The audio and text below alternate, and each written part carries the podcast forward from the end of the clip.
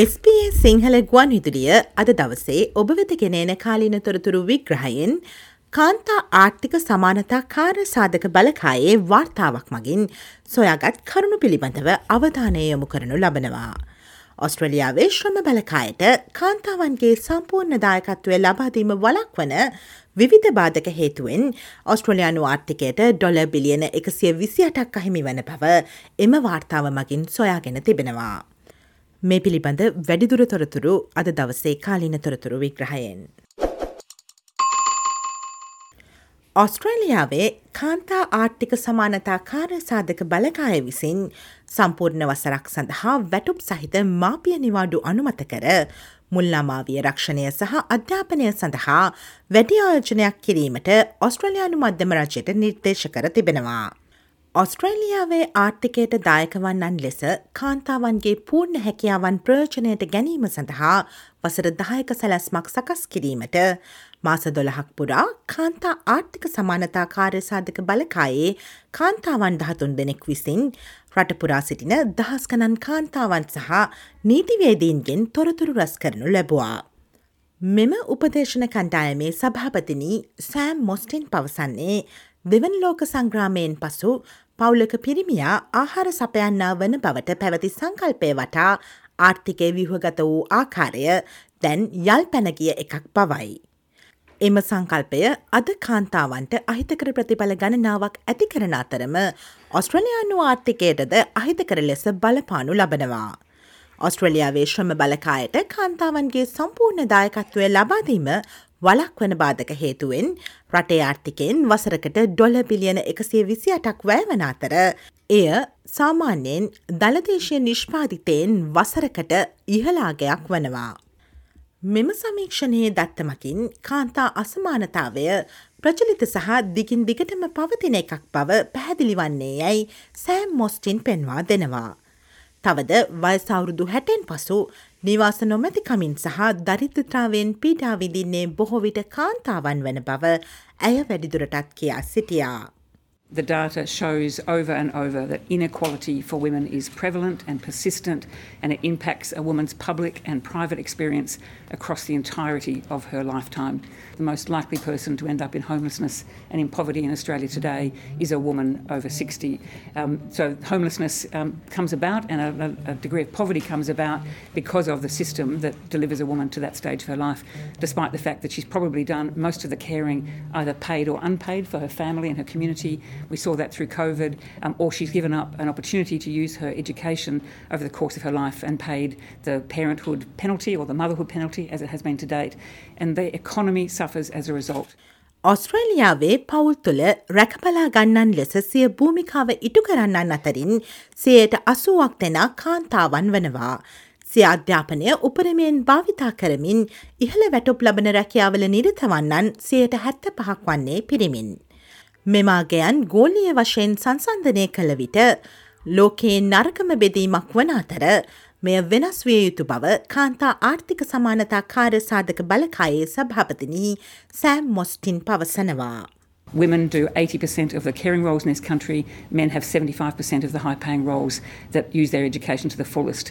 Those, that, that level of segmentation is some of the worst in the world. So work has to change. We have the highest levels of education in the world for women. The World Economic Forum has held us at the number one spot for over 20 years. But when it comes to the use of that education for, um, for a productive part of the economy, we fall catastrophically. All of our policies seem to me to have been designed previously on the idea of a post war design of a family that had a primary breadwinner that was a man and a woman that when she had children with that man typically was a man um, that then she would do the caring and that her income was forever dependent on his income we don't live in that world anymore මේ අතර කාන්තා ආර්ථික සමානතා කාර්ය සාධක බලකායේ වාර්තාවේ ඇතුළත් දත්තමකින් සාමාන්‍යෙන් ඔස්ට්‍රලයානු කාන්තාවක් තම වෘත්තිය ජීවිතය පුරා ඔස්ට්‍රලයානු පිරිමියකුට සාපේක්ෂව ඩොල මිලියනයක් අඩුවෙන් උපයන පව පෙන්වා දෙනවා. වත්මන් ප්‍රවණතා දිගටම පැවතුනහොත් මේ වන විට අවම වශයෙන් එක්දරුවෙකු හෝ සිටින විසිපස් හැවිදිදි කාන්තාවක් පියෙකු බවට පත්වන විසිපස් හැවරදි පිරිමියෙකුට වඩා සිය ජීවිත කාලය පුරා ඩොල මිලියන දෙකට අඩුවෙන් උපයනු ඇතැයි අපේක්ෂා කළ හැකි බව එම වාර්තාව මගින් පුරෝකතනය කර තිබෙනවා. ඔස්ට්‍රලයානු මධ්‍යම රජයේ කාන්තා කටයුතු පිළිබඳ අමාත්‍යවරිය වන කේටි ගලක පවසන්නේ මෙම වාර්තාවේ සොයා ගැනීම් පුදුමයට කරුණක් නොවන බවයි. ස්ත්‍රීපුරුෂ සමානාත්මතාවය සාක්ෂාත් කර ගැනීම සඳහා ජාතික උපාය මාර්ගයක් දැනුම්දීමට කළේතු කාර්යන් මේ වසරාගදී අවසන් කරන ලෙස ඇය විසින් ඉල්ලා සිටින්නේ ඒ හේතුවෙන්. A little girl born today, by the time she goes to primary school, um, isn't thinking that there's boys and girls jobs, but there are jobs that everybody can do.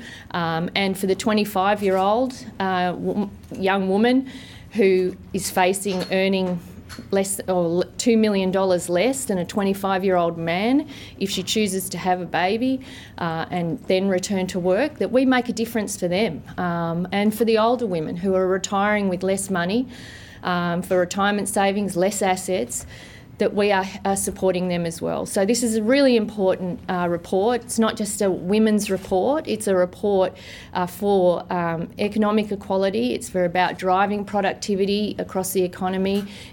පිටු අසූ දෙකකින් යුතු මෙම වාර්තාවේ වැටුප් පරතරය හේතුවෙන් කාන්තාවන්ට ඔවුන්ගේ සැඳෑ සමයේදී නිවාසාහිමින් නොවීම සහතික කිරීම අරමුණු කරගත් නිර්දේශ හතක් ඉදිරිපත් කර තිබෙනවා. කාන්තාවන්ගේ වැටුප් පරතරය බතු සහ විශ්‍රාම වැටුප් සැකසීම් මගින් සංයුක්ත වන්නේ කෙසේද යන්න එහි සඳහන්. වැටුප් සහිත මාපිය නිවාඩු කාලය සති විසි හයේ සිට පනස් දෙක දක්වා දෙගුණ කිරීම, ෆයාව කොමිෂන් සභාවේ විභාග කෙරනු නඩුවල ප්‍රතිඵල සඳහා අරමුදල් සැපීමට එකගවීමෙන් කෙයාවර්ක් භූමිකාවේ තත්ත්වය ඉහළ නැංවීම සහ චයිල්කයා සබ්සිඩි සඳහා ප්‍රවේශවන පවුල්වලට අදාළ ඇක්ටිවිටි ටෙස්ට් ඉන් ඉවත් කිරීම යන යෝජනා මෙම වාර්තාවේ ඇතුළත් වනවා. මෙම ක්‍රියාකාරකම් පරීක්ෂණය මගින් චල්කයා සබ්සිටි හෙවත් ළමා ආරක්ෂණ සහනාධාර වෙත ප්‍රවේශවීමට දෙමව්පියන් දෙදනාම රැකියාවල නිරතවීම අවශ්‍ය වනවා.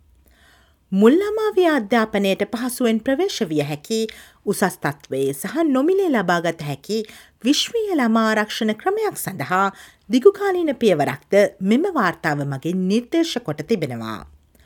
මෙම වාර්තාවේ සියලු නිර්දේශයන් හොඳින් සලකා බලන බවත් වැටොප් සහිත මාපිය නිවාඩු සති පනස් දෙකක් දක්වා පුළුල් කිරීමේ ඕනෑම පියවරක් ගැනීම අයවැය තුළ ඒ සඳහා මුදල්වෙන් කිරීමට ඇති හැකියාව මත රඳා පවතින බවත් ගලග මහත්මය පවසනවා.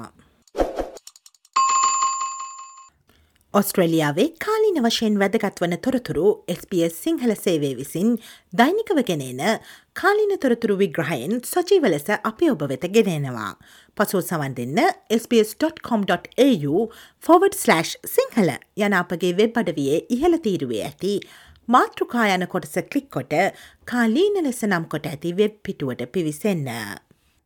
SBS SBS SBS SBS SBS Radio